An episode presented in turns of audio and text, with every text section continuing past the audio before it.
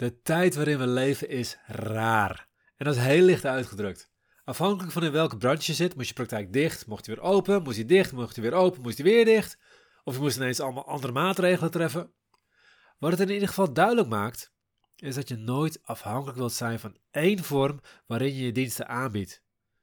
Want als die vorm om wat voor reden ook niet meer kan, heb jij een probleem. Hey hallo, Bas van Pelt hier. In deze podcast wil ik samen met jou kijken hoe je niet alleen kunt groeien met je praktijk, maar hoe je je praktijk zodanig laat groeien dat het jouw droomleven mogelijk maakt. Een praktijk met meer impact, meer omzet en meer vrijheid. Op de middelbare school had ik het vak Economie 2. Vroeger heette het handel. Je leerde daar hoe een bedrijf functioneert. En een van de basisregels voor een gezond bedrijf is dat je niet afhankelijk wilt zijn van één opdrachtgever. Mocht die opdrachtgever op een gegeven moment besluiten dat hij een andere leverancier gaat zoeken, heb je namelijk ineens geen bedrijf meer. Super logisch en duidelijk, toch? Geen enkele ondernemer die in die valkuil valt, toch? Helaas. Geldt voor de meeste therapeuten en coaches wel eens volledig in die kuil gevallen zijn. De valkuil van één opdrachtgever of de valkuil van één vorm van aanbieden. En voor de reguliere therapeuten geldt dat ze maar één opdrachtgever hebben, namelijk de zorgverzekeraar. En er zijn vier grote zorgverzekeraars, maar die doen allemaal hetzelfde. En bovendien, als de overheid ineens besluit dat iets niet meer in de basisverzekering zit, of juist wel, of, of op een andere manier veranderd wordt, heb je een probleem. En de diëtisten hebben dat een aantal jaar geleden ervaren. Uh, ze zaten altijd in de basisverzekering, ineens niet meer, maar ze zaten nog niet in een aanvullende verzekering, dus ineens werd diëtisten gewoon helemaal niet meer vergoed. Nou, ik heb het in Alkmaar gezien bij een kennis van me. Zij had een praktijk met vier man die bijna fulltime werkten. Aan het eind van het jaar had ze nog een praktijk waarin zij zelf fulltime werkte en nog één ander parttime bijwerkte. In de tussentijd heeft ze behoorlijk wat moeten afdragen aan ontslagpremies en verzin het allemaal maar.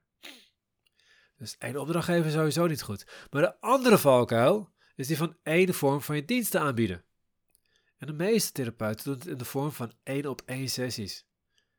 Ja, zoals we de afgelopen periode meegemaakt hebben. Als je als contract takberoep ineens niet meer mag werken op de manier dat je gewend bent, heb je niets meer. En dat is best lastig. Want als je in één jaar lang, twee lange perioden, geen inkomen hebt, en helemaal als je zelf de grootste kostwinnaar bent, dat is lastig. Ik ken acupuncturisten die zelfs met een hypotheekverstrekker in gesprek moesten om naar oplossingen te zoeken voor het gebrek aan inkomen. Heftig. En tegelijkertijd heel goed. Want net zoals we zien bij onze cliënten, hebben we pijn nodig om te gaan veranderen. Zolang alles goed gaat, maakt niemand zich ergens druk over en doet niemand moeite om te veranderen. Je herkent het vast wel. Je cliënt begint pas aan zijn verandertraject na zijn burn-out. Een therapeut begint pas zodra hij geen omzet meer heeft. Nee, dan is dat te laat. En nog erger, zodra de pijn weg is, stoppen we weer. Dat zien we bij cliënten ook. Ze willen afvallen, op een gegeven moment wegen ze veel minder. Zitten ze misschien onder die 100 of onder de 80. Ik weet niet waar ze onder willen zitten. En dan denken ze, oh, ik ben zo goed bezig. Ik trakteer mezelf op het taartje. Of mensen die niet meer continu stress willen leven. Die eindelijk van die burn-out af zijn. Zijn elke dag gaan mediteren. Tot het lekker gaat. Dan stoppen ze met mediteren. En na een tijdje hebben ze weer stress.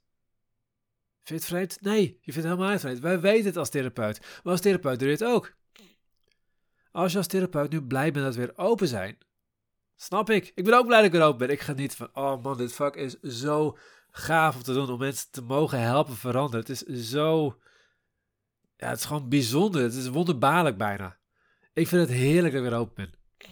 Maar als je heel blij bent dat je weer open bent en gaat gewoon weer lekker op de oude weg verder, wat zegt dat dan over jou? Dat je menselijk bent, ja. Maar ook dat je heel stom bezig bent.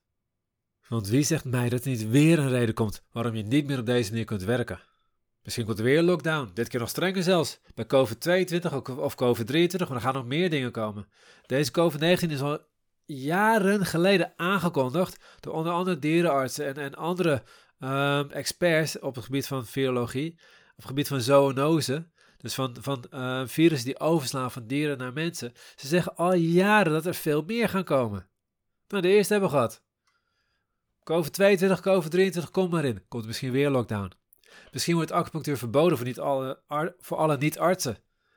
Als ik eerst arts moet worden voordat ik weer acupunctuur mag doen, ben ik zes jaar lang heb ik geen inkomen. Kan ook niet, als ik alleen maar van acupunctuur afhankelijk ben. Misschien wordt jouw therapievorm niet meer vergoed. Net zoals bij de diëtisten gebeurd is. Misschien komen er nieuwe eisen waar je net niet aan voldoet. En dan kan je op het punt komen dat het iedereen vergoed wordt, behalve jij. Iedereen is lid van de beroepsvereniging, behalve jij. Hebben mensen misschien ook minder vertrouwen in je? Hebben ze misschien ook minder zin om naar je toe te komen? Misschien ook niet, maar het kan wel. Misschien word je zelf ziek. Breek je je been. Als ik mijn been breek, kan ik niet naast de cliënt staan en naalden zetten. Ik kan wel allemaal andere dingen doen, maar ik kan niet de vorm die ik gewend ben. Het probleem is, de vorm die je gewend bent, die gaat op een gegeven moment weer een keer niet kunnen, om wat voor reden dan ook. Weet je, na de overstroming in Zeeland hebben de Deltawerk ontwikkeld. En nog steeds zijn we bezig onze dijken te versterken. We zijn er niet mee gestopt, omdat we de hele tijd geen overstromingen hebben gehad. En dat zou ook voor jou moeten gelden. Omdat je nu lekker open bent, betekent niet dat je niets meer hoeft te doen. Er gaat weer een moment komen dat jouw manier van werken niet meer kan. Wat dan? Zorg dat je niet alleen maar je vak uitoefent, maar ga ondernemen.